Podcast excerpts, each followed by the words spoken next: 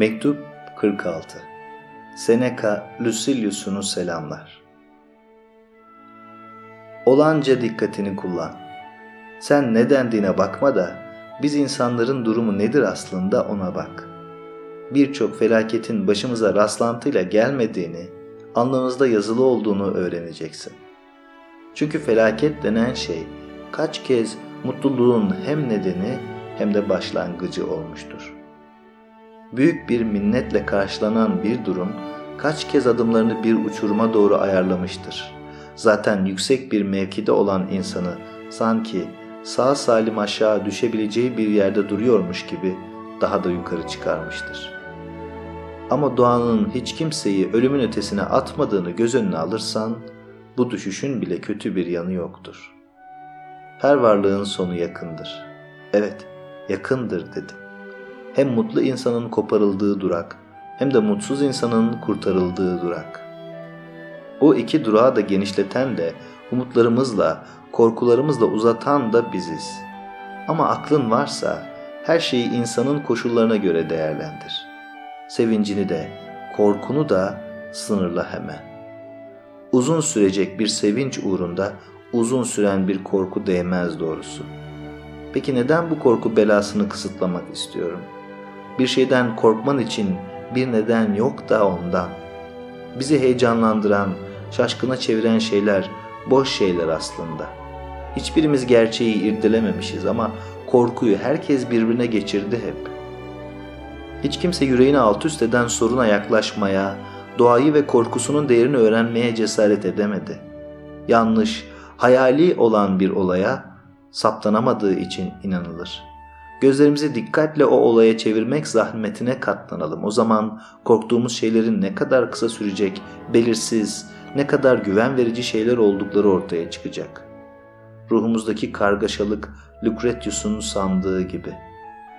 Çünkü nasıl tir tir titrerlerse çocuklar, korkarlarsa kör karanlıklarda her şeyden, bizler de öyle korkuyoruz aydınlıktan. Peki ışıktan korktuğumuz için biz de bir çocuktan daha akılsız değil miyiz? Yok, doğru değil. Lucretius, biz ışıktan korkmuyoruz da her şeyi kendimiz için karanlıklara çeviriyoruz. Hiçbir şeyi görmüyoruz. Ne zararımızı ne faydamızı. Yaşamımız boyunca oradan oraya çarpıyoruz kendimizi. Bu yüzden bir yerde duramıyoruz ya da ihtiyatla basmıyoruz ayağımızı.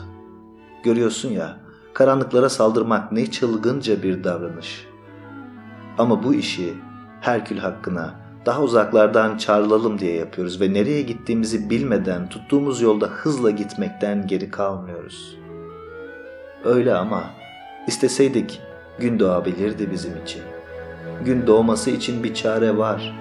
İnsanın insansal, tanrısal sorunları bilimin ışığında öğrenmesi, bu bilgilere şöyle bir dalı vermeyip iyice içine girmesi, bu bilgileri bilse de hep yeniden işlemesi, kendi kendine uygulaması, iyiliklerin, kötülüklerin ne olduğunu araştırması, şerefli ve utanç verici şeylerle ileri görüşün, Tanrı'nın ne olduğunu araştırması. İnsanın ince zekası bu sınırların içinde kalmıyor. Evrenin dışına bile bakmaktan hoşlanıyor. Nereye götürülmektedir? Nereden çıkmıştır? Bunca varlık hızlı hızlı hangi sonuca doğru gitmektedir?'' Bu tanrısal seyirden alınan ruhumuzu kaba saba, alçacık konulara götürdük. Hırsa hizmet etsin, evreni bırakıp sınırlarını bir yana koysun da toprağa yarsın, sunduklarıyla yetinmeyip içinde ne kötülük varsa çıkarsın diye. Tanrı bizim için yararlı olabilecek her şeyi çok yakınımıza koymuş. Bizim araştırmamızı beklemeden kendiliğinden vermiş bize zararlı olacakları da çok derinlere gömmüş. Kendimizden başka yakınacak bir şeyimiz yok. Bizi mahvedecek şeyleri doğa mahvımızı istemediği için sakladığı halde biz gün yüzüne çıkardık. Ruhumuzu zevklere kattık. Bu zevkleri hoş görmek de her türlü fenalığın başıdır. Ruhumuzu ihtirasa, üne, bunlar ne kadar aldatıcı, boş hayallere teslim ettik. Şimdi seni ne yapmaya yüreklendireyim? Hiç yeni bir şey yapmamaya. Çünkü çaresi arananlar yeni kötülükler değil ki.'' Her şeyden önce kendi kendine zorunlu olan nedir, faydasız olan nedir diye bir bak. Gerekli olanları her yerde kolayca bulacaksın. Faydasız olanları ise hem her zaman hem de olanca gücünle aramak zorundasın. Ama yaldızlı yataklarda yatmayı, kıymetli taşlar kakılmış eşyaları kullanmayı hor görürsen, bu davranışlarınla aşırı övünmen de doğru olmaz. Faydasız olan şeyleri hor görmenin ne gibi bir erdemi olabilir ki? Asıl gerekli olanı hor gördüğün zaman hayran ol kendine. Krallara layık, görkem içinde olmadan da yaşayabildiğin için binlere satın alınan domuzu, terli turnaların dillerini, artık hayvanın bütününden gına getirip de her birinin belli organlarını seçen lüksün doğurduğu bunca canavarlığı istemediğin için büyük bir iş yaptığını sanma sakın. Kaba ekmeği hor görürsen işte o zaman sana hayran olacağım. Hani yalnız koyunlar için değil insanlar için de yaratılmış olan otu zorunlu olduğun zaman kendi kendine salık verirsen, ağaç sürgünlerinin sanki aldıklarını hep koruyacakmış gibi böyle değerli şeyler tıktığımız midemizi doldurmaya yettiğini bilirsen yine hayran olacağım sana. Midemizi bıktırmadan dolduralım. Aldığını yitirecek olduktan sonra midene ne verdiğin önemli mi? Karada, denizde tutulan bütün hayvanların şöyle sıra sıra karşına dizilmesi hoşuna gidiyor. Kimisi masaya taze taze getirilirse daha makbuldür. Kimisi de uzun zaman beslenip zoraki yağlandırılan hayvan damla damla erirse ağırlığını zor kaldırırsa. Bu hayvanların ahçının sanatıyla yarattığı parlak görüntüsü hoşuna gidersin ama Herkül hakkı için bu bin zorlukla araştırılıp türlü baharatla baharatlanan nadide yemeklerin hepsi mideye iner inmez aynı çürümeye uğrar. Mide zevkini hor görmek ister misin? İşin sonunu gözünün önüne getir. Attalus'tan herkesin çok beğendiği şu sözleri dinlediğimi anımsıyorum.''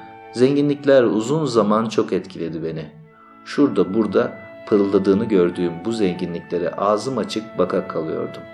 Sanıyordum ki saklı tutulanlar gösterilenlere benziyordu.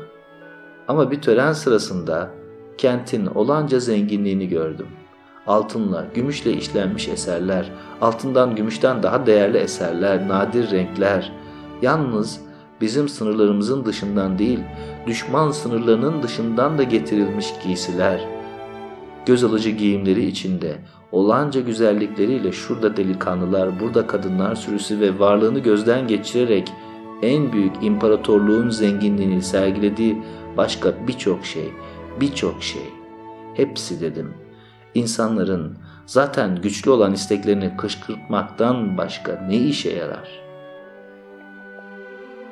Bütün bu para pul alayişinin ne anlamı var? Hırsı öğrenmek için mi geliyoruz buraya? Oysa Herkül hakkı için buraya geldiğim zamandan daha az hırslı dönüyorum buradan. Zenginlikleri gereksiz oldukları için değil, değersiz, boş oldukları için hor gördüm.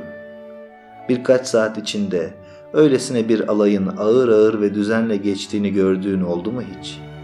Bir günümüzü sabahtan akşama dolduramayan şeyler bütün yaşamımızı dolduracak öyle mi? Bir de şu eklendi. Zenginlikler bana sahip olanlar için de seyredenler için de pek gereksiz göründü. Böylesine bir deptebe gözlerime her iliştiğinde görkemli bir eve, güzel giyinmiş bir hizmetçi alayına, yakışıklı uşakların çektiği bir tahtirevana her rastladığımda kendi kendime diyorum ki neye şaşıyorsun? Neye ağzın açık kaldı? Bu bir gösteri. Bu zenginlikler sergileniyor, bir iyilik bildirmiyor ki bunlar. Hayranlık uyandırarak geçip gidiyorlar. Ama sen asıl gerçek zenginliklere çevir gözlerini. Azla yetinmeyi öğren. Büyük, güçlü ruhunla şöyle haykır. Suyumuz olsun. Arpa çorbamız olsun.